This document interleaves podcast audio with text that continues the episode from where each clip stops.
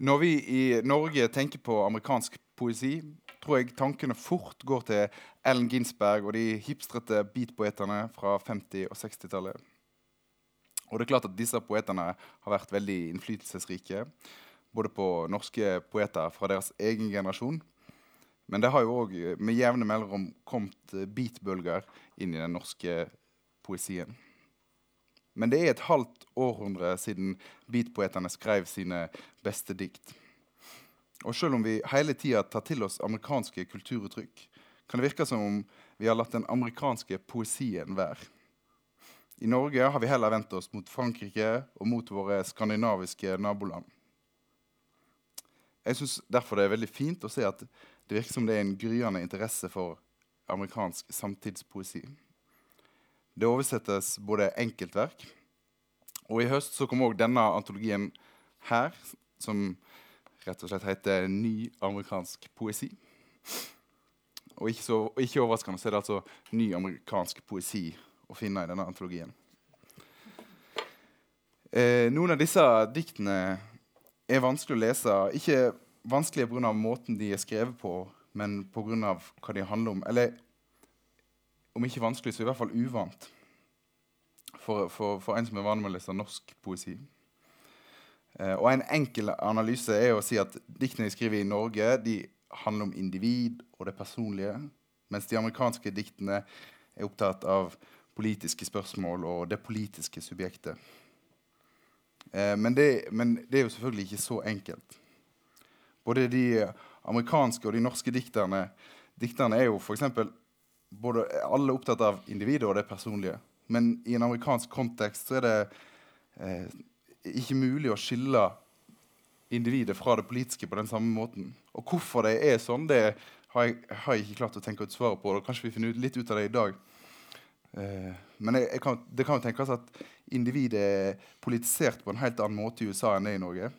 Eh, og det kan jo handle om måten en som nordmann forholder seg til amerikansk eh, litteratur.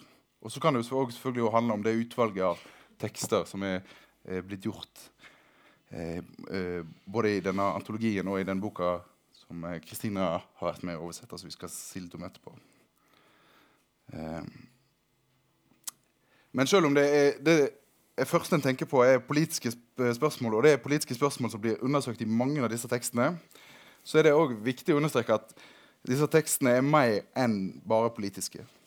Jeg tror at Uansett hva en leter etter i et dikt, så kan en finne det òg i amerikansk poesi. Og det er alltid nyttig å få innsikt i hva de tenker og føler i andre deler av verden. Og for å uh, utforske amerikansk samtidspoesi så har jeg med meg uh, Mathias R. Samuelsen, som har vært en av redaktørene til denne antologien. Og jeg har med meg Kristina Leganger Iversen, som har vært med å oversette denne boka som heter 'Medborger', av, uh, av, en av de virkelig store amerikanske samtidspoetene som heter Claudia Rankine. Rank, Rankine? Rankine? Rankine. Rankine, ja. uh, som nettopp er, og Denne kom i høst, og den antologien kom i vår. Uh, og, som, og, som, er virkelig en interessant sangbok. Og jeg tror vi skal begynne med å, å høre litt fra, fra medborger. Skal vi ikke det, Kristina? Jo, vi gjør det. Det er Så fint å få høre de tekstene vi skal snakke om.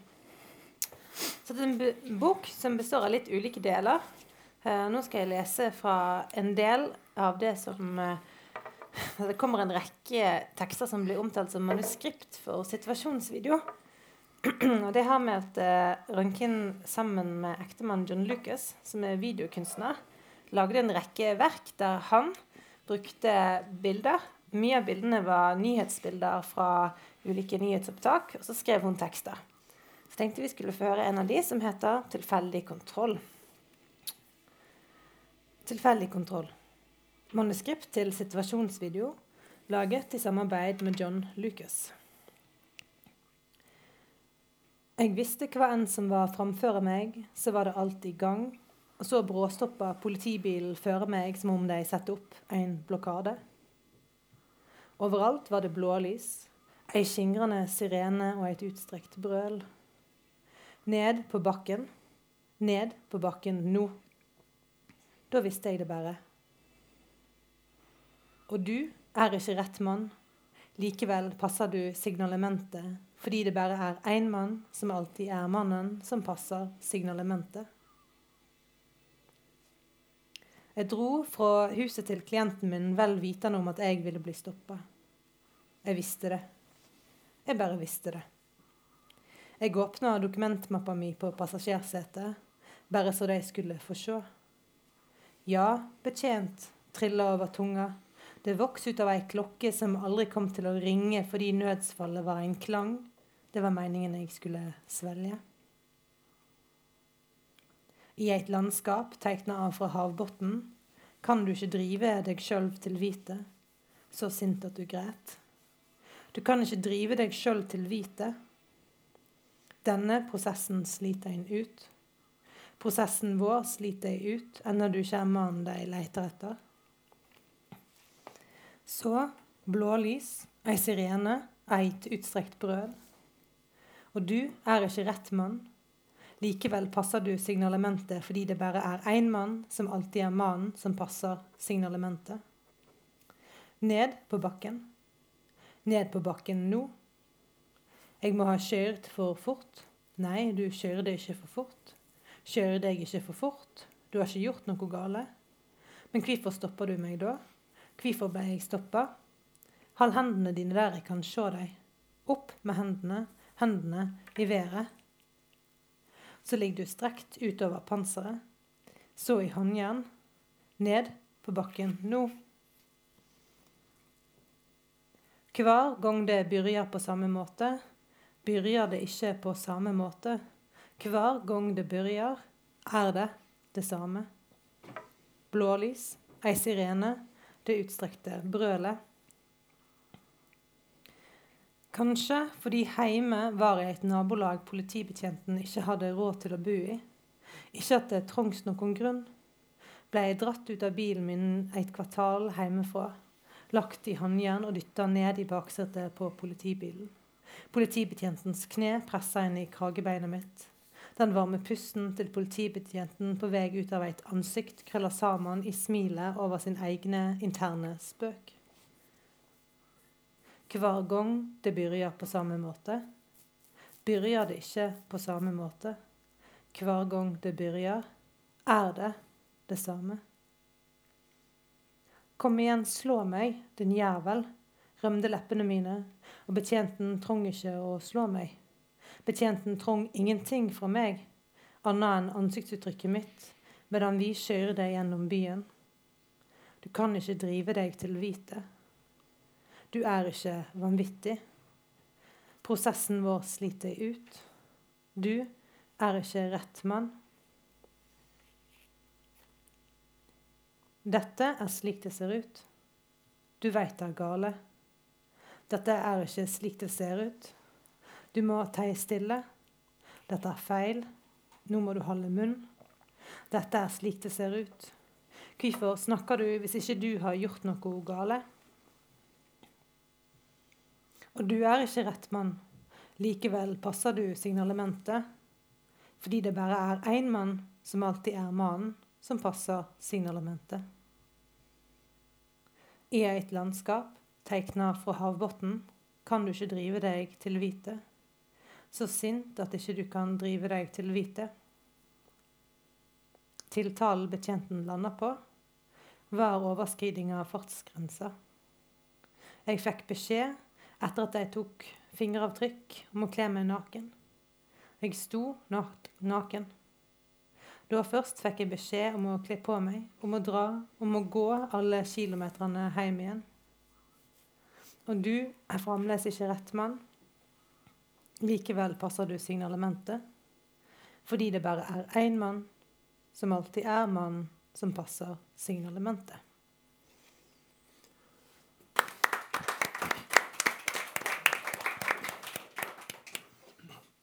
Veldig fint, Kristine.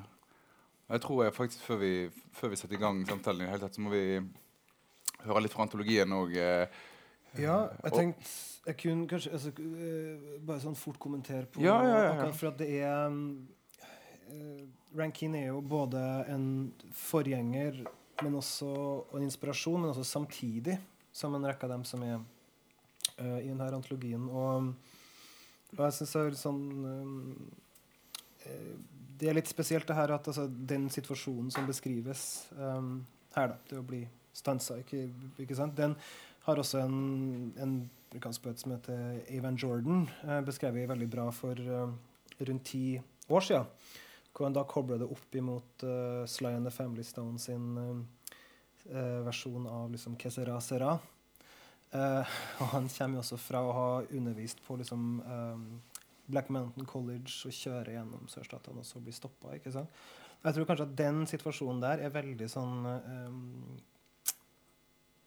Den er jo fremdeles et problem, men akkurat den er veldig typisk for den generasjonen. Um, jeg tenkte jeg hadde lyst til å starte med um, en av dem som har uh, kanskje uh, følger veldig direkte da, i, i, året etter Rankine. Um, uh, Dane Smith, uh, som er um, uh, skeiv, um, hiv-positiv uh, afroamerikaner fra Midtvesten. Altså det er veldig mye. Um, ja, han har en utrolig vakker uh, bok da, som, um, som, som um, Kristin Fritun uh, har, har, har, oversatt fra her, som, uh, som heter Black Movies. Og de, han, han, jeg tenkte jeg skulle lese litt av, av det, så jeg syns dere skal plukke opp boka sjøl. Men um, de handler da, så her har skrevet en rekke elegier for dem, alle de unge afroamerikanske menneskene som ble uh, skutt, Uh, enten av politiet eller av uh, altså, eh, skremte hvite mennesker. Um, de siste sju årene, eller et, et, et, et, eller annet sånt. da. Og der har man altså den hetta som er på omslaget her. Uh, som også Det var vel uh, Trayvon Martin, var det ikke det? Nå skal jeg passe på navnene her, men jeg tror det var Trayvon Martin som gikk i et nabolag da med hette på og gikk inn i det feil huset. Et eller annet der, og så eieren i huset skøyt den. Og den hetta da, er en sånn viktig en måte, ele, liksom, eh, element i det her. Så jeg har i hvert fall tenkt på det som den koblinga når jeg har mm. sett det omslaget. Men eh, bare da les den korte teksten som er til han eh, her, da. Kortfilm. Eh, I alle fall ikke en elegi for Trayvon Martin. Hvor lang tid tek det før ei historie blir ei legende? Hvor lang tid før ei legende blir en gud eller gløymd? Spør regnet hvordan det kjennes å være elva. Spør så ho druknar. Det er vakkert. Det er fantastisk, altså. Og det her er jo bare én av veldig mange som, på en måte, hvor han uh, går inn i, uh, inn i det her. Den denne antologien er satt sammen av litt forskjellige ting. og det, jeg har redigert den samme med Rune Hjemås, som ble sagt her, men den er også oversatt, uh, oversatt Ocean Wong, som um, er en um, som er av vietnamesisk herkomst. Den er vel tredje generasjon i USA, selv om det er litt overlappende. Og også skeiv, da. Uh, som veldig mange av dem i denne antologien her er. Det kan vi jo komme tilbake til hvorfor det er sånn. Men det mm. er noe Men jeg hadde bare lyst til å vise frem ei som kanskje skiller seg litt ut, og som ligner mer på det vi kanskje kjenner igjen i Norge gjennom Flamme forlag og, og en rekke sånt. da. Det her som jeg liker å kalle den uh, ny, uh, nye digitale konfesjonalismen. Uh, um, som altså ja, kanskje litt mer beslekta med, med beatpoesien enn en del av det som vi skal som vi på en måte skal lese her. da. Men jeg tror jeg sitter, jeg òg. Jeg ble så mhm. komfortabel. altså, så jeg tror jeg gjør det. Veldig kort dikt som uh, altså, De her er, er det da um, Linn Strømsborg som har, som har oversatt. Um, så um, det er altså ikke Så det er ikke min stemme det egentlig skal være, det her. da, Det er liksom hennes. Ja. ja. Streite fyrer. Det er overskrifta, da. Så kommer diktet. Kvifor er dei framleis her?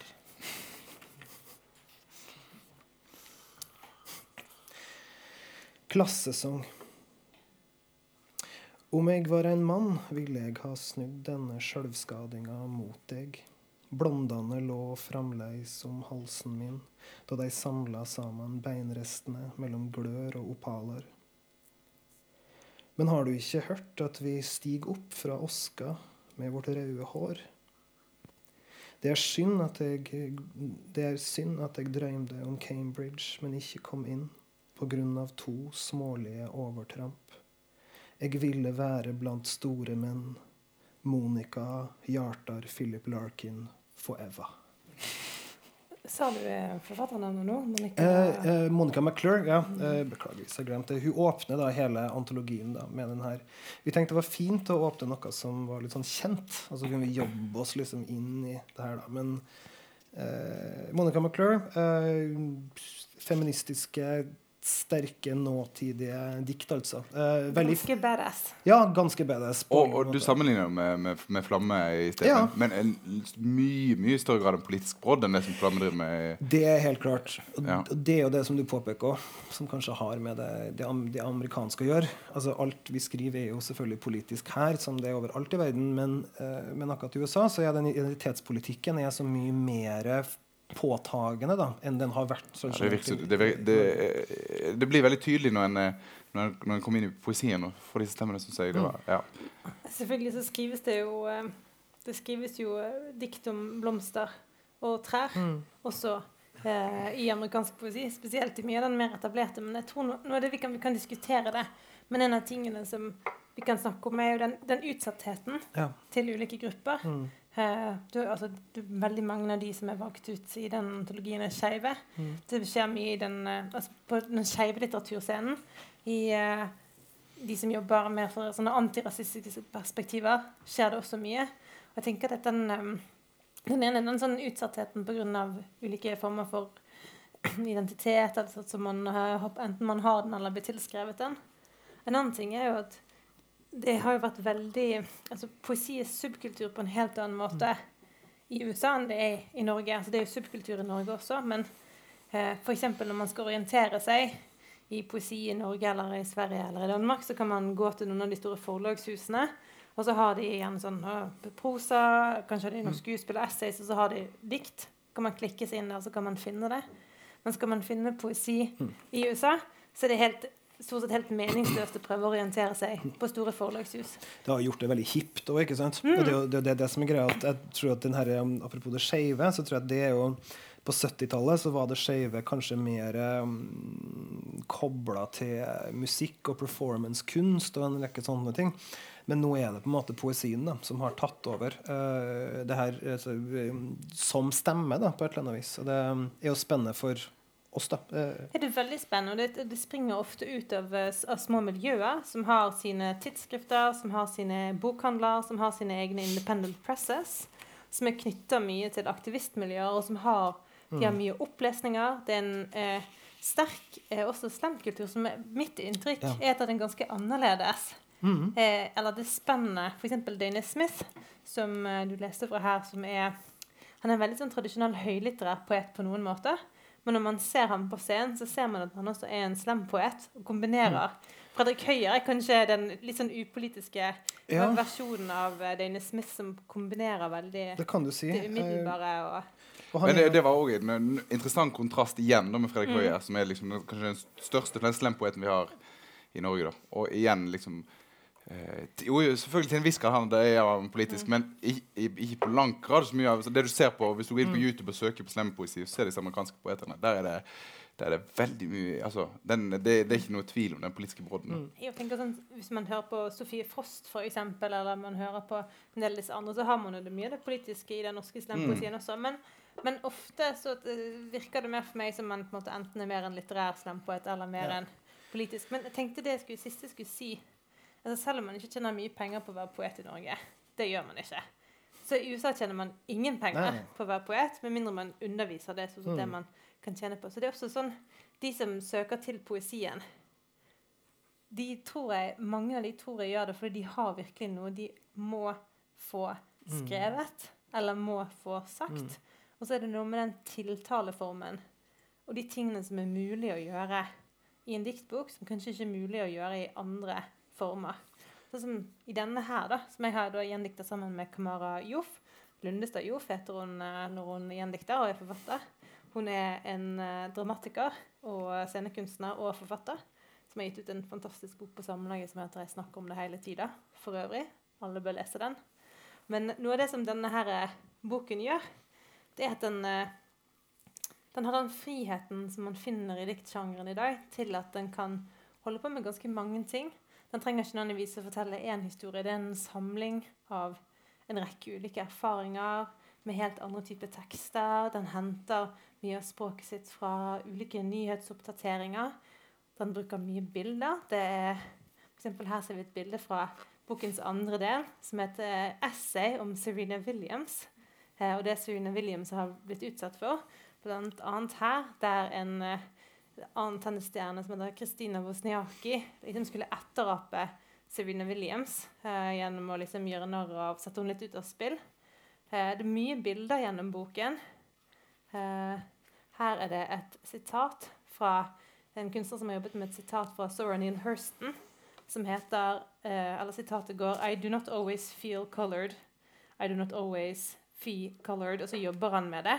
Og I feel most colored when I'm thrown up against a white background. Det er det Sir Neil Hurston-sitatet. Så det fins en sånn enorm frihet i hva poesien kan være og gjøre. I hvilken sånn type språk den kan hente inn og leke med. Mm. Og vise fram noen ting på en annen måte enn f.eks. kanskje en konvensjonell roman kan gjøre. Fordi at Med romanformen så har vi disse forventningene til at det skal fortelles en historie. Og den skal se ut på en spesifikk måte. Men den friheten eh, den har man i poesien. Og man kan enten si ting på en veldig sånn direkte og klar måte, men man kan også gjøre det sånn som mange av de poetene i antologien og Rankan jobber med på ganske sånn Noen steder men en sånn veldig klar at andre steder med at det er mye som pågår. Mm. Det er spennende å si det, for altså, Rankin er en av dem som har vært med å åpne sjangeren veldig. Um, altså Man kan også se det i altså Maggie Nelson eller uh, Talia Field, som uh, Rune Hjemås oversetter, og som kommer ut nå til våren.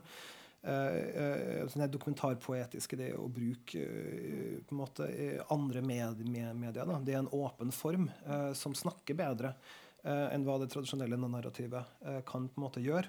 Det her med slem da, er jo noe som går gjennom egentlig veldig mye, og vi har ikke med så mange Det er egentlig bare liksom den som egentlig er slemmer her. Mm. Men han er med i et um, kollektiv som heter Black Noise Collective, um, som består av en rekke amerikanske poeter med slem-bakgrunn som um, har uh, ja, en eller annen uh, altså, si, sånn ikke-kaukasisk uh, familiebakgrunn. da. Um, og der er det også ei, ei med som heter Franny Cho, som, uh, som, representerer noe av det samme som Ocean Wong gjør. Som jeg syns er veldig sånn klar, um, sterk annen uh, linje da, i dagens amerikanske poesi, som er de her andre-tredje generasjons sørøstasiatiske poetene. Så jeg har Freddy Choi, vi har Ocean Wong, vi har uh, Humin Nguyen. Betty Kong. Vi har uh, Chen Chen. Altså masse, masse, masse, masse da, som også bygger på foregangsfolk da, som ikke var like politiske som dem, mm. men som har uh, som har bygd, bygd ut det her. da. Der er også veldig mange av dem skeive, selvfølgelig. Jeg kommer fra Midtvesten. ja. uh, men, uh, men du var ikke ferdig egentlig med opplesningen din? nei, nei, nei, nei, nei, nei, men det det her, var fint. Det. det ga meg en fin overgang. fordi at den jeg da har uh, oversatt, og som jeg kan lese med min stemme på et vis, det her, det er jo Ocean Wong.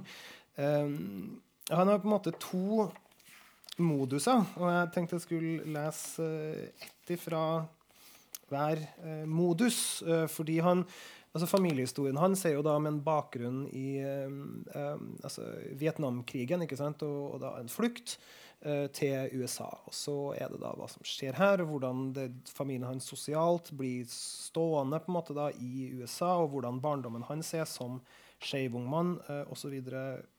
Så, videre. så ikke, ikke bare er en fremmedgjort på et vis da, ut fra samfunnet ut fra sin etnisitet, men også fra legninga si. da, og det her uh, kommer fra en familie hvor det er en del vold og uh, en del sånt. Um, så jeg skal lese to dikt som eh, på en måte kanskje eh, viser de to modusene som er i den boka da, som heter eh, eh 'Night Sky with Exit Wounds'. Som jeg oversetter som kommer eh, på samlaget enten til våren eller til høsten, litt ettersom hva forlaget bestemmer. Eh, men 'Inn i bråtet', som da åpner med et sitat av Jeffrey Dahmer. For dem som ikke vet det, så var Jeffrey Dahmer en seriemorder. Eh, eh, slags eh, eh, skeiv antihelt. altså, ja. Eh, han var i hvert fall en, eh, en, en skeiv seriemorder som eh, var både kannibal og nekrofil og så videre. videre. Og det er veldig Ocean Wongsk å starte med noe sånt. Så det her er sitatet altså da. The only motive uh, that were there was to keep them with me as long as possible, even if it meant just keeping a part of them. Jeffrey Dahmer. Jeg svinger av til åkeren og vrir om tenninga. Sånn er det. Jeg veit ikke hvordan jeg skal elske en mann varsomt. Kjærtegn er noe en slår fast. Ildflua strekker seg gjennom steinblå luft. Du er så tyst at du nesten er morgendagen. De her kroppene ble støpt mjukt for å hindre ensomhet. Du sa som om bilen sakte fyltes med elvevann. Ikke vær urolig. Her fins ikke vann. Bare øynene dine som lukker seg. Tunga mi i juvet under halsen din. Små, svarte hårstrå lik beina til nedsunkne insekter. Jeg ønska aldri kjøttet, slik det aldri skuffer med å skuffe så presist. Men hva om jeg river av den hudtynne sida vekk og fant hjertet, ikke på størrelse med en neve, men munnen din åpna til bredda av Jerusalem? Hva da? Å elske en annen mann er å ikke etterlate noen som kan tilgi meg. Jeg vil ikke etterlate noe. Å beholde og bli holdt, slik en åker gjør hemmelighetene sine til pioner. Sånn lyset holder skyggen sin ved å svelge. Så det neste, da. Og bad til en brennende by. Sør-Vietnam 29.4.1975. Militærradiostasjonen spiller Irving Berlins White Christmas som kode for å starte Operation Frequent Wind. Den endelige evakueringa av amerikanske sivile og vietnamesiske flyktninger fra Saigon med helikopter før byen faller. Melkeblomstblader på asfalten som biter av en sommerkjole. May your days be merry and bright. Han fyller et krus med champagne og løfter det mot leppene hennes. Gap opp, sier han, hun gaper. På gata spytter en soldat ut sigaretten sin, mens fottrinn fyller plassen som stein faller fra himmelen. May all your Christmases be white. Mens trafikkpolitiet løsner hylsteret. Fingrene hans sporer den hvite kjolekanten hennes. Et enslig stearinlys. Skyggene deres. To veiker. En militærlastebil raser gjennom krysset. Barn kvin fra lasteplanet. En sykkel blir kasta gjennom et butikkvindu. Da støvet kvervler opp, ligger ei svart bikkje og peser i veibanen. Bakbeina hennes knust av lyset fra A White Christmas. På nattbordet folder en magnolia seg ut som hemmelighet fortalt for første gang. The treetops glisten and the children listen. Politimesteren med ansiktet hvilende i en pøl av Coca-Cola. Et håndflatestort bilde av faren flyt ved det venstre øret hans.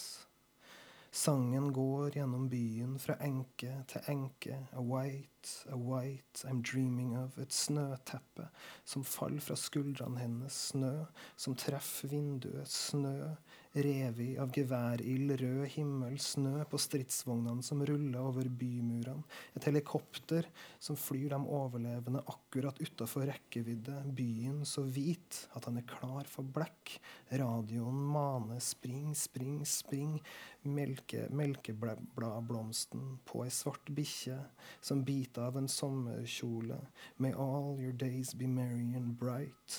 Hun sier noe som ingen av dem hører, hotellet rister under dem, senga er et isflak.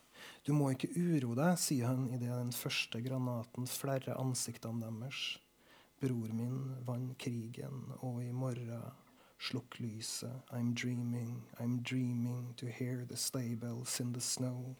På plassen utafor ei nonne, brennende, spring lydløst mot Gud. Gap opp, sier han. Hun gaper.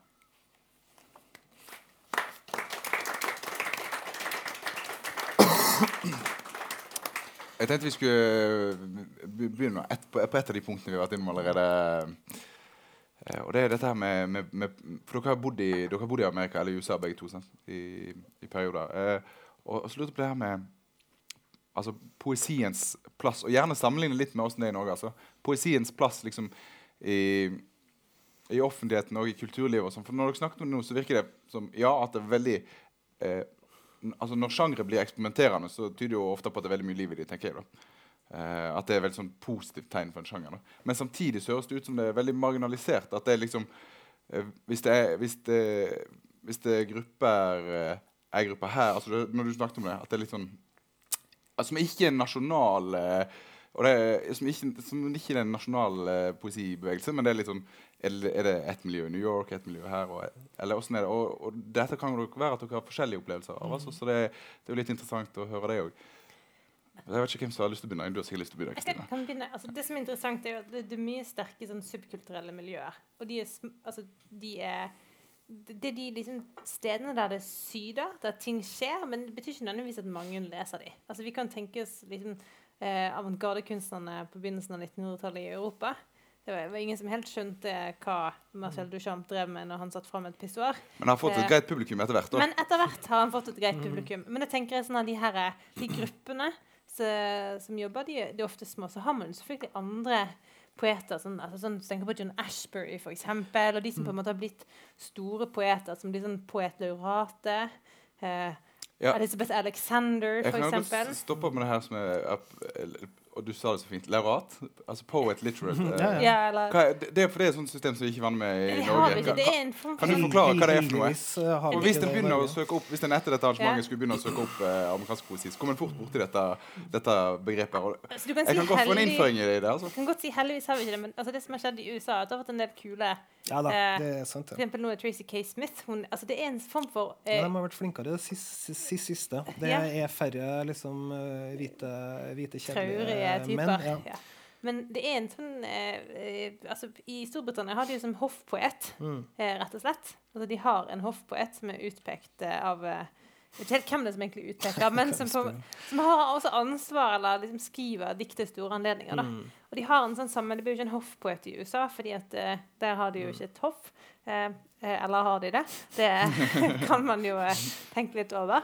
Eh, men for eksempel så skrev Elisabeth Elizabeth Anders- Alexander, som var sånn eh, eh, Hva er det norske altså, ja, begrepet? Hvis ikke hoffpoet, så Altså laureate, altså noen som har altså, Eh. Noen som har fått uh, altså Noen som er laudabel, på en måte. Ja, da, eller har, har liksom fått altså, Laube Lauberg-krona, Ja. sånn offentlig. Ja, ja. Hun skrev et eh, vanvittig flott dikt til, eh, Laureerte. Ja. til eh, president Obamas Mm. første innsettelse. Så det det er liksom på en eller annen måte De statlige skalder, da. Så de er jo De på en måte er jo større. Ja, og Disse fins jo både på statsnivå og på, på ulike institusjoner. Mm. Men jeg vil si da, fordi at det her er altså, så, så, så, sånn spesielt at man, man har undervisningsjobber, Mm. gjerne, ikke sant? Og så blir man på en måte kjent gjennom det. Men så er det sånn noen da, som blir veldig hipp, da. Altså, Mm. sånn som uh, Dennis uh, fant deg i Vogue. Ja. Av alle ting, liksom. Fordi de hadde en artikkel om ja, altså trans uh, pers, altså, eh, Et eller annet sånt, da. Mm. Um, så han var der, og altså med at eh, en poet som um, eh, Som Ariana Rains uh, er jo hun Som er oversatt til norsk. ja, ja, ja, Mm. av Anna Kleiva. Mm. Uh, nydelig oversettelse. Um, eh, hun, er jo, hun blir jo retweeta av Lena Dunham og sånn. Så det når jo ut, da. og Det er noe hipt ved det. Og, og altså, C.A. Conrad, som har vært i Norge nå noen ganger, han har jo også blitt en sånn eh, poet laureate for eh, For det progressive eh, Men, men, ja, astral uh, måte, eh, ja, Men det- si? Måte det som, er, det som er, jeg tenker er litt interessant med dette her med, For nå, Vi kan godt rote oss vekk i statspoet. sånn. Men altså, betyr det at det er noen som for disse, Dette er jo en, en, en stilling eller en tittel som en får. Sant? Men, er, men er det sånn at de tar all eh, tar, mm, Eller ikke all, men i hvert fall store deler av oppmerksomheten fra disse her, eh, subkulturmiljøene? At det er liksom, for det er jo eventuelt det som er, er jo en interessant dynamikk. Da. opplever du det? Eller? Altså, jeg, tror vi kan, jeg tror vi kan tenke at noe av det som på en måte bidrar til å skape den amerikanske samtidspoesien, er, er altså at den kommer fra ulike miljøer. At den på en måte gror litt i ulike hager. På den ene siden så har du alle disse aktivistmiljøene, som er viktige. Vi har snakket om aktivistmiljøene og, og stempoesi.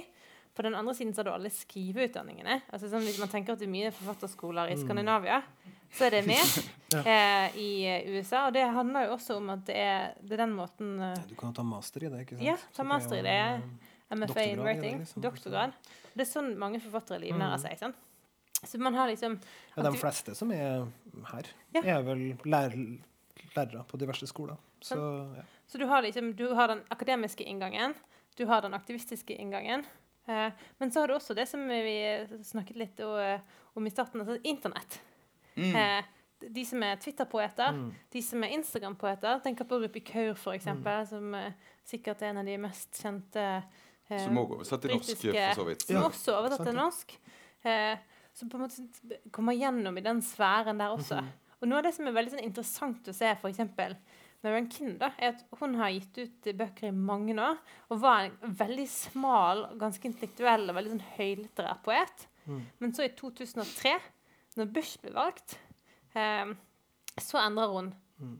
veldig stor grad måten hun skriver og gir ut bøker.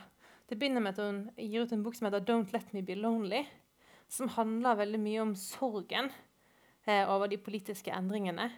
Eh, den sorgen ser vi mye her også. Vi hørte sorgen i Dane Smith sine tekster. Så det er en sånn dyp, dyp, dyp sorg. Og det er kanskje ikke så rart at hvis man skal snakke om en sånn sorg over hva som er i ferd med å skje med samfunnet, at man venner seg til en sjanger som poesien. For det, poesien har jo tradisjonelt vært en, eh, en, sanger, en sjanger som nettopp har hatt veldig rom, enten det har vært kjærlighetssorg eller det er disse diktene, elegiene, som jo Elegier er jo dikt over eh, tap, eh, der man skriver om noen man har mistet. Eh, så det, det vi ser, er at sånn her, i mye av denne poesien her, så er det også en sånn overlapp. De som kommer fra mer sånn konseptuelle miljøer, som tradisjonelt, hvis man tenker på sånn Kenneth Goldsmith, for eksempel, som er den kanskje mest kjente konseptuelle forfatteren, har eh, vært veldig sånn avantgardistiske og politiske på en annen måte. De møter mye fra aktivistmiljøene, så skjer det sånn her kryssfertilisering, vil man kanskje kalle det i biologien, som gjør at det er veldig spennende å lese nå. Du har jo en poet her sånn som altså, Corina Kopp, Uh, som er det, Jeg tror eneste måten jeg klarte å beskrive det på, var det at hun er liksom postakademisk. Altså, eh, det er på en måte så metta da, med referanser og sånn her, at du er, det er helt Men der er det også en, en sorg. da. Har gitt opp det. altså på en måte At språket skal kunne fortelle egentlig noe mer enn bare løsrevne type ting. Og det, man kan si på en måte veldig mye uh, om det, og det er også en fin blurb her som vi fikk fra Ariana. Som også beskriver noe som akkurat handler om sorg. Uh, men jeg har lyst til å tilbake til det her med forskjellen mellom nordmenn og, og amerikanere. Ja, for jeg syns jo det, og jeg det, og det skjer så masse, og det er så mange Ja, ja, ja, ja. Men er det men, nei, men jeg, jeg har bare lyst, lyst til å klargjøre litt det her, at det her er ikke noe nytt i amerikansk poesi. Det her har vært siden altså, Hva tenker du på nå? Altså, Eh, det her, den utadvendte, snakkende, uh, meningsbær... Altså, det her, her er altså Amerikansk poesi ja, ja. altså, Amerikansk poesi har to besteforeldre uh, uh, på mange måter. Det er Emily Dickinson, og så er det Walt Whit Whitman. mm. Eh, altså dem som da på en måte er, er lest overalt på skoler og alt sånt der. Um, begge de her er på en måte skrev ut i altså Whitman publiserte jo alt, ikke sant? Uh, Dickinson publiserte ingenting. Uh, begge var skeive. Uh, sier man ikke det i dag? I hvert fall har jeg hørt mye snakk om det. Altså Dickinson, er bra, bra. Men eh, så det er på en måte de skeive besteforeldrene til alle de andre skeive som kom etterpå. Um, og det her er en amerikansk modus. altså Det, er en, det, det, det her er det den amerikanske poesien tradisjonelt har jobba med. Den har aldri, vært lukka um, på den måten som altså Da må du kanskje til language-poetene, eller altså til motreaksjoner som skjer etter beat-poesien uh, og alt sånt der. Og jeg tror at akkurat noe av det vi i Nor i Norge da, som, som poeter, uh, forfattere Jeg går ut ifra at størsteparten her er forfattere eller poeter. Eh, kan, kan lære av hva amerikanerne føler jeg da, er at det fins en verden utafor teksten. Eh, det her snakka vi om. ikke sant? Altså selvfølgelig Alt er politisk. Alt du skriver, er Mm. politisk, fordi det befinner seg i en, i en språklig og retorisk virkelighet, og det er et format. Men uh, det er veldig fint uh, hvis man kan prøve å være litt bevisst på uh, at ting skal relatere seg til noe, i stedet for å på en måte vi har holdt på i veldig veldig, veldig, veldig, veldig mange år i Norge å skrive om båter i sivet og på en måte alt den der. Vi kan egentlig slutte litt med det nå. Vi kan ta oss en pause. i hvert fall. Altså, jeg mener ikke at man skal være tendensiøs. Det er dumt. Det skal ikke man gjøre. Det, det politiske kommer frem i formen. Men, uh, men man kan ha det i bakhodet når man, uh, når man skriver. Fordi jeg tror det kan eh, på en måte hjelpe oss da, til å åpne poesien vår, vår på en egen måte også. da. Men gjør du det når du skriver Ja. sjøl? Mm. Ja. Det har jeg vært veldig bevisst visst på akkurat Mm. på grunn av det her. Første boka så gjorde jeg kanskje ikke. Eh, men det var før jeg liksom begynte å jobbe Men jeg prøver så godt jeg kan. Da. Um, å være eh, Så kan du si at hva, ja, hva gjør jeg da? Hva er de underliggende temaene mine? Hmm, tja, altså Maskulinisme, vil jeg si. Vold. eh, eh, altså seksuelle altså, se- den seksuelle virkeligheten som, som diktjeget eller, altså befinner seg uh, i. da. Men det høres ut som på deg uh, Men det må en følge opp når du stiller han spørsmål. da. Det høres ut som du, i- du ikke gjør det da, i din uh, skriving, eventuelt. Nei, det vet jeg ikke om jeg vil si. Men jeg tror altså, vi kan tenke på at dikt kan være politiske i form av hvilke temaer de tar opp.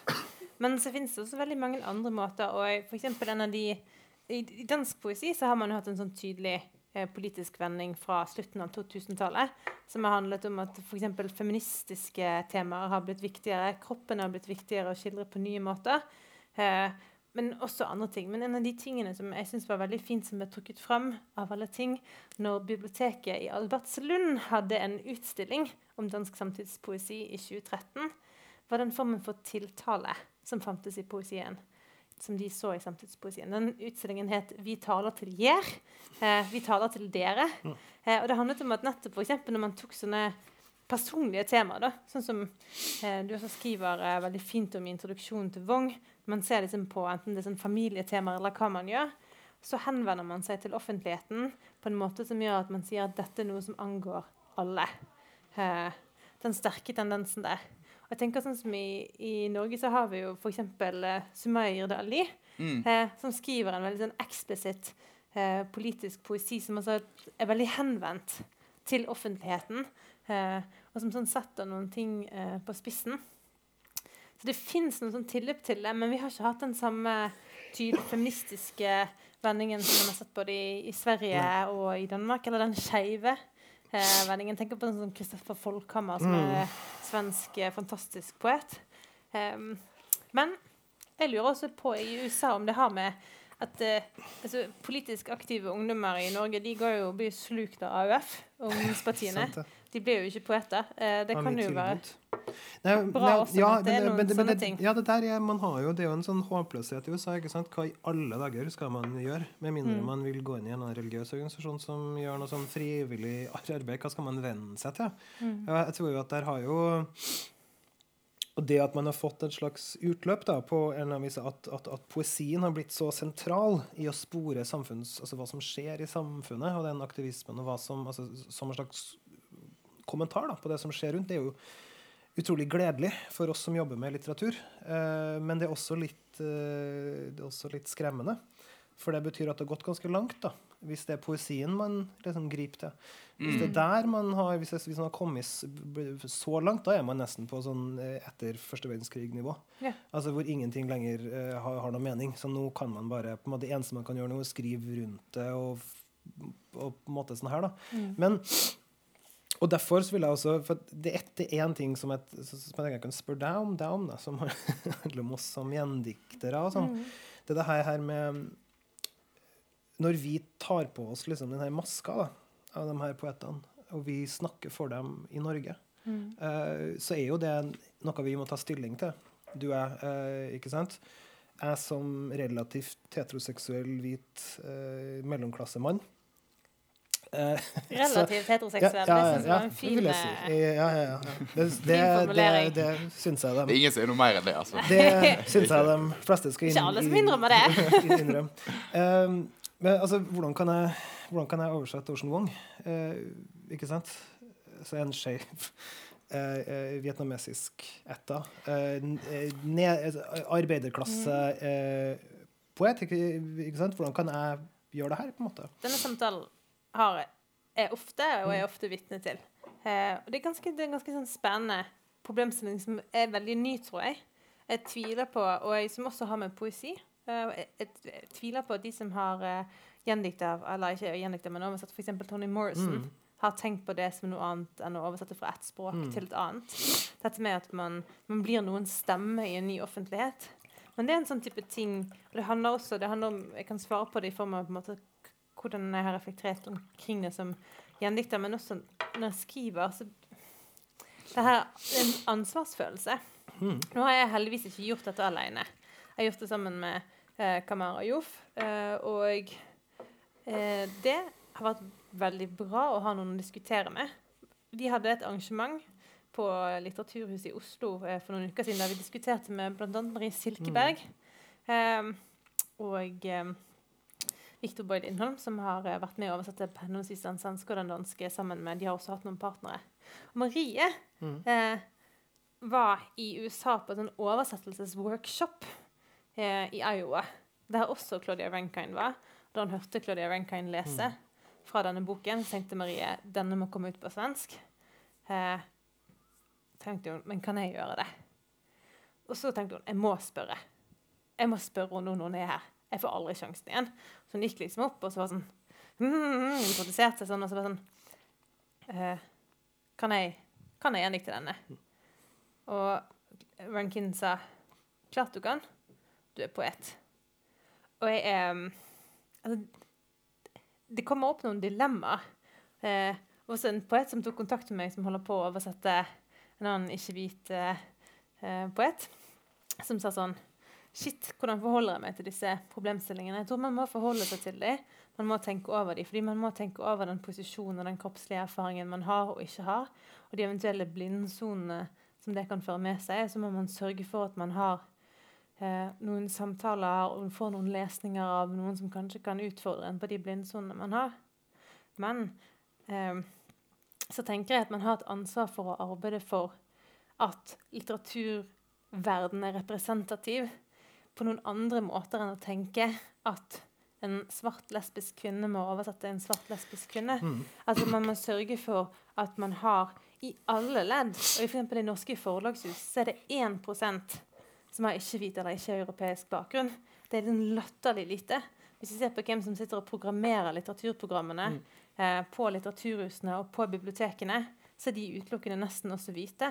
Hvis vi ser på hvem som sitter i det litterære rådet, i forfatterforeningene, hvis vi ser på hvem som underviser på alle skoler, så er det hvite mennesker.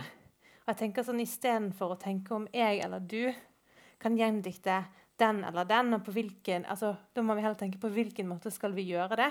Og hvis ikke vi skal gjøre det, om det er noen andre som Mm. kan gjøre det. Noen ganger kan andre gjøre det, og andre gjøre det bedre. Mm. For meg var det veldig viktig eh, å tenke at jeg skulle gjøre det sammen med noen andre som, hvis det fantes, hadde jobbet med Mm. eh, å få et norsk språk for erfaringer med Mm. rasisme. Og jeg fant Kamara som har laget en uovertruffen forestilling som heter Pavlovs tispe.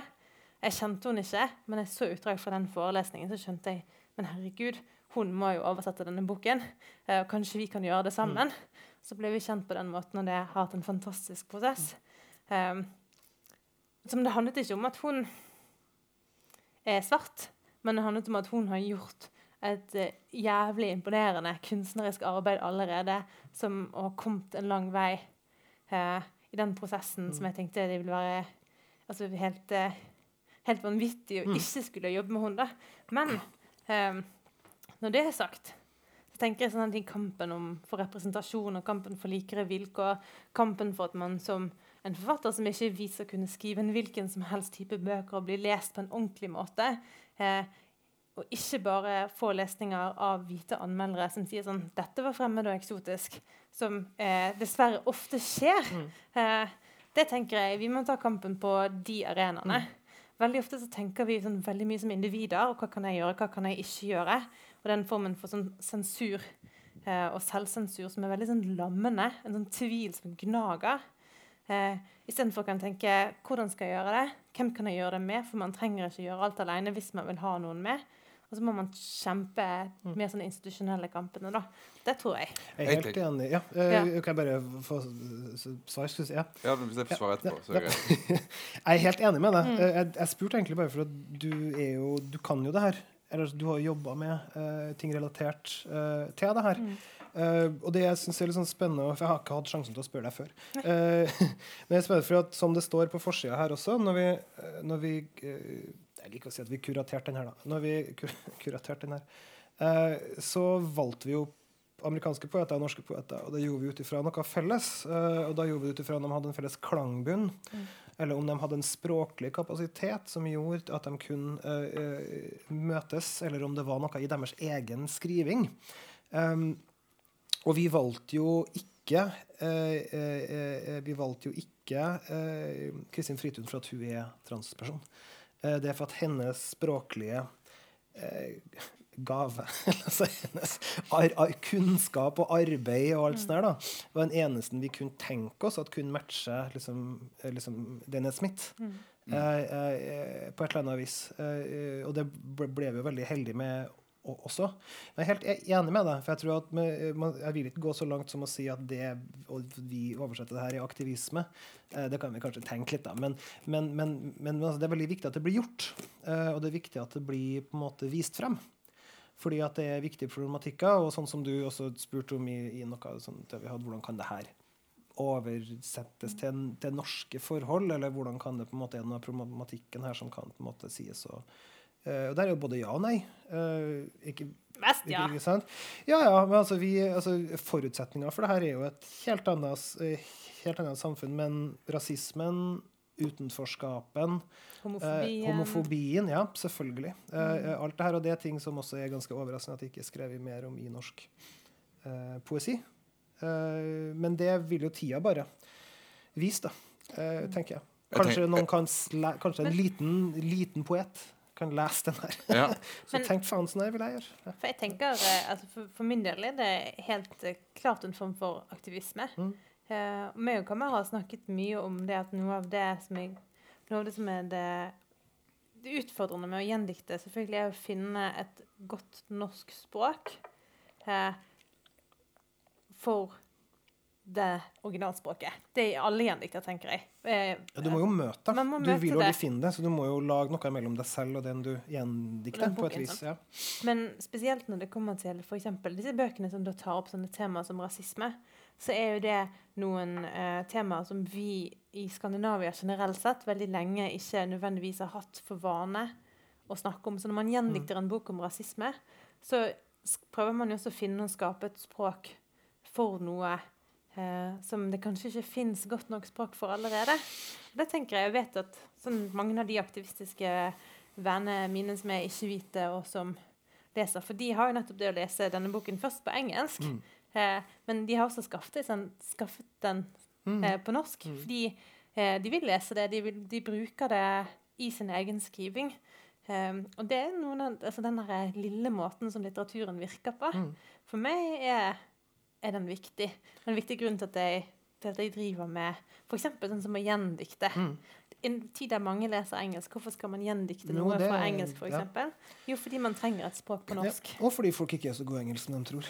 Men det er noe, noe Jeg tenker når jeg hører dere to, Ja. altså når, Spesielt når du, du, du snakket lenge og fint om det. Altså. Men det er jo Altså Her er jo konflikter på forskjellige nivåer. sant? Og det, er jo, det å gi ut en bok er jo òg en handling på, på mange forskjellige nivåer. Da. Så selvfølgelig er det aktivisme på, på ett nivå. da. Men på et annet nivå så Det som er så interessant med det å oversette seg på, på ett nivå så er jo det å skrive et dikt er jo å, å eh, skille en handling eller en tanke fra et individ. Sant?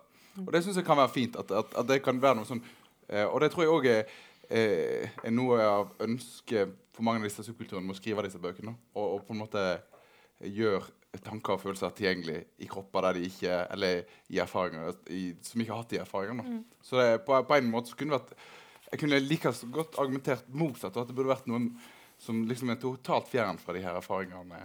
Kunne vært et interessant argument. da, tenker jeg. Jeg, jeg valgte jo Jeg ga meg selv eh, Ocean Wong da når vi holdt på med det, fordi at Ocean Wong har veldig mye av de samme litterære referansene. Um, eh, når jeg leser han, så leser jeg masse poeter eh, som jeg selv har vært opp, opp, opptatt av. Vi har mye til felles, og vi har også begge en sånn slags sånn familiehistorie som har eh, et slags krigstraume bakover, som er nedarva.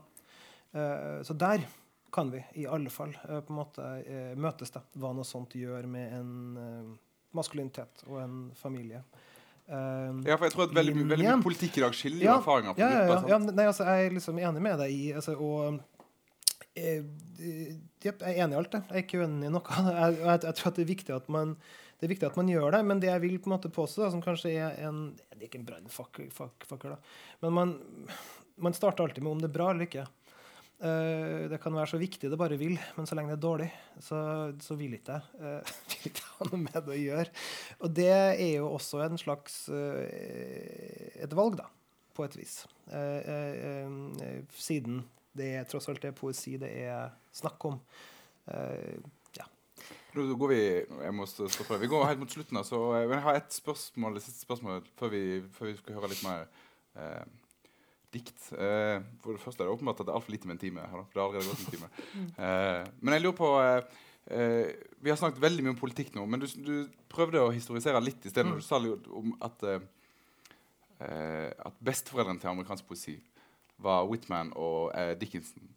Men når kommer politikken eh, inn i bildet? Og i hva av de generasjonene tenker du at har vært liksom, den politiske kan du, hvis, du, hvis du kan, Ja. kan du prøve å si noe om liksom, de historiske kan linjene? Og, og eventuelt eh, eh, har, har den amerikanske poesien alltid vært så politisert som den er nå, eller er det noe Mm. som har Man kommet kan ned? ha noen sånne, noen sånne altså, tre nedslagsfelter, kanskje, som kan eksemplifisere det. Uh, Det første er Whitman, som var unionist, altså, eh, som på en måte trodde veldig på eh, prosjektet USA. eh, Men altså ikke på en veldig sentralisert regjering, men på en, eh, på en måte på union av frie stater.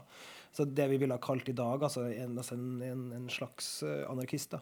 Ikke sant? Han har det med en gang. Uh, uh, eh, I Hear America Singing, uh, Song of the Broadaxe og på en måte eh, altså Alt det her, her da, hvor han besynger USA ikke sant? og dets univers. Og det, altså alt det romantiske. Og så kan du si, så har du en person som, som, som William Carlos Williams, eh, som i eh, 1923 skriver 'Spring and All' som et svar på eh, T.S. Eliot sin 'The Wasteland', eh, som er en positiv eh, utviklingshistorie. eh, som på en måte stiller seg i opposisjon til Eliot sin dommedags, på en måte moderniteten som dom, dommedag. Da. Og så kan du si Så kan vi gå på da slutten av 80-tallet og Chain Magazine eh, med Juliana Spar. eh, som da på en måte Som er nettopp oversatt eh, til norsk. Ja. for så vidt. Ja. Eh, som, som på en måte tar opp i seg veldig mye av den samtidige teorien og det som har foregått, eh, og den universitets... Altså på en måte, da litteraturvitenskapen var på høyden eh, av seg selv. Det er bare tre av på en måte, hvert tiår har masse, masse, masse Mm. sånne, og du kunne spore dem på mange, mange måter, men jeg tenker at de er tre sånne fine, konkrete, som både skiller ut fra resten av verden, men som også viser at det er en linje som går gjennom amerikansk poesi som er rød. Eh, eh, blodrød. På mange forskjellige måter. Ok, da tror jeg vi skal, vi skal avslutte med opplysning. Eh, Kristin, har du lyst til først? Nå vet jeg, vil, vil, vil, vil du lese Rankine, eller vil- Kan du også lese litt fra Ja. Juliana Spar. Nei, Vince, tenker Nei, jeg. Vince, ja. Ja, ja, men det kunne Det ha vært Dekke. kunne ikke? vært ja, du, Der var Freudian en Freudian fin, slip. fin Freudian slip. Eh, Apropos utvikling og eh, Vi kan jo mens dere finner fram nevne Juliana Spar og Joshua Clover er oversatt på Er det på Audiaturforlag, kanskje? Det er på HF.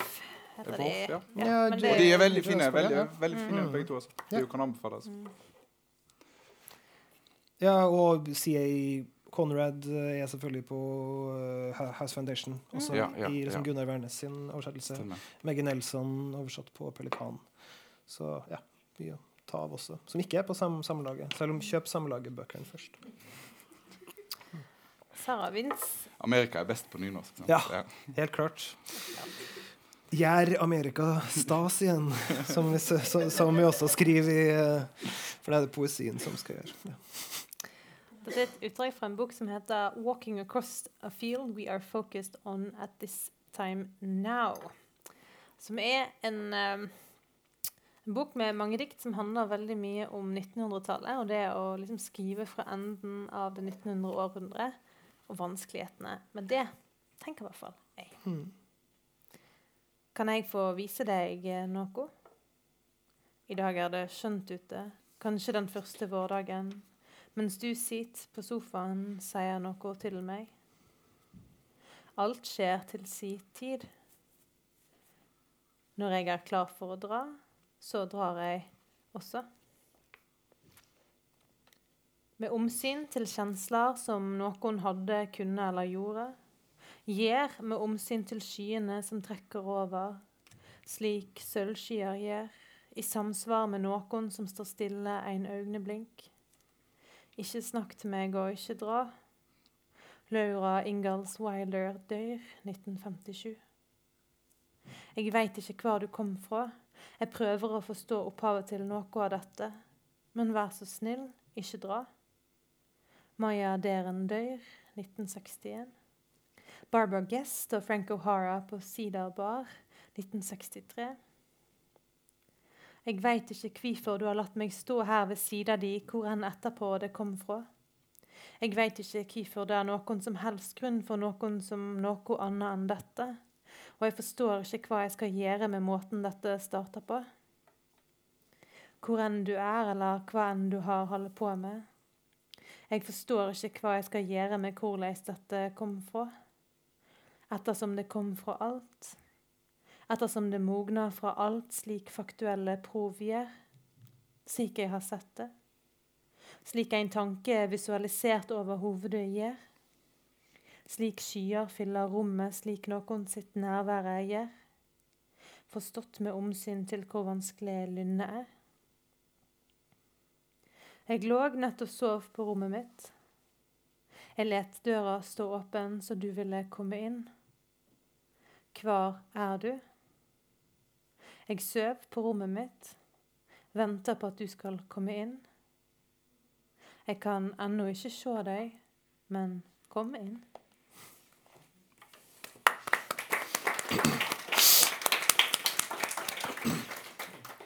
Jeg skal, tenker jeg skal gjøre kort prosess, eh, som det heter. Eh, jeg skulle lese noe som kanskje ikke høres politisk ut i det hele tatt. Kanskje er det ikke heller. Det kan dere selv bestemme. Dette det er en chapbok, en liten bok, som jeg har uh, gjendikta eh, på det forlaget som jeg og Rune Hjemme også driver, som heter Beijing Trondheim. Eh, poeten her er amerikaner og heter Shane Anderson. Det er en sonettekrans. Jeg tenkte jeg skulle lese mestersonetta. Altså den som samler alle de første linjene eh, i sonettekransen. Se hva dere syns om den saken. uh, ja. Mølje sprekk i platene renn, gravere i dette episenteret, lemmene kroppsløse, deheten skakede lymfa i alle prinsesser, elektrisk stimulering, kysse, ankre, løpske, sideelva, aldri fløt, nattavdelinga, under terrakotta, øyelokk i metronomisk glipp infiltrert til tidløs, tilfeldig skryt gjennom levring. Eteren rengjør, og vi, våre nyklekte, øse den nye tofuga elvemunninga i nellikpryd vibrere, forbi hjernen, avgrense bråte, til skogbrønn, endorfinstøpt det bølgeløpet elsken tar bolig, glir inn i rammene for tillit, kretse mot hjerterytmen, kjernen, som kjerne, afatisk, lengtende, varm, uten varsel. Ditt du, leopardisk, ved min landlige, glødende respekt. Veldig fint. Det er ganske vakkert, da. Ja, det var veldig Men, eh, eh, men det er en bok man må lese et par ganger før, før den begynner å sette seg. fint. Artig å Eh, jobbe med det. Da vil jeg bare helt til slutt si, Hvis du er interessert i amerikansk eh, dikt, så fins det altså Lyrikksalong podcast av eh, Vi har hatt Emily Dickinson spesial, vi har hatt eh, Ann Carson spesial, og vi har hatt eh, Sylvia Plett og Ted Hughes eh, spesial. Så de fins som podkast ute på der, der som podcaster fins. Kan jeg komme med et tips, bare? Veldig fort. Ja. Uh, Dane Smith eh, og Franny Choi har en podkast som heter Versus, eller VS. eh, hvor de intervjuer veldig mange av de her poetene som vi har snakka om, og som er i det her samme feltet. da. Eh, som dem, så for dem som har lyst til å gå litt mer inn i det her, og kanskje finne en poet de kanskje selv har lyst til å teste ut om de har lyst til å gjendikte, eh, sjekke ut det. da. På iTunes eller hvor dere får podkaster fra. Versus, altså VS. Veldig bra. Og hvis du er interessert i, i norsk eh, poesi fra 2018, så skal vi ha eh, oppsummeringsarrangement neste tirsdag. her på, Det er ikke en del av Lyrikksalongen, men det er her på huset. Eh, det er på tirsdag, altså. Eh, nå, Lyrikksalongen er, eh, det, det var siste gang vi hadde Lyrikksalongen i år, men vi er tilbake onsdag 30. januar. Da skal vi ha Edith Sødergran spesial med Ebba Hvitt Bratstrøm og Anne Mari Neple. Så det blir veldig fint. Det gleder vi oss til. Eh, og så er vi sponsa av Fritt Ord, Bergen kommune og Litteraturhuset i Bergen. Stemmer? Ja. Eh, takk for oss. Kjøp bøker!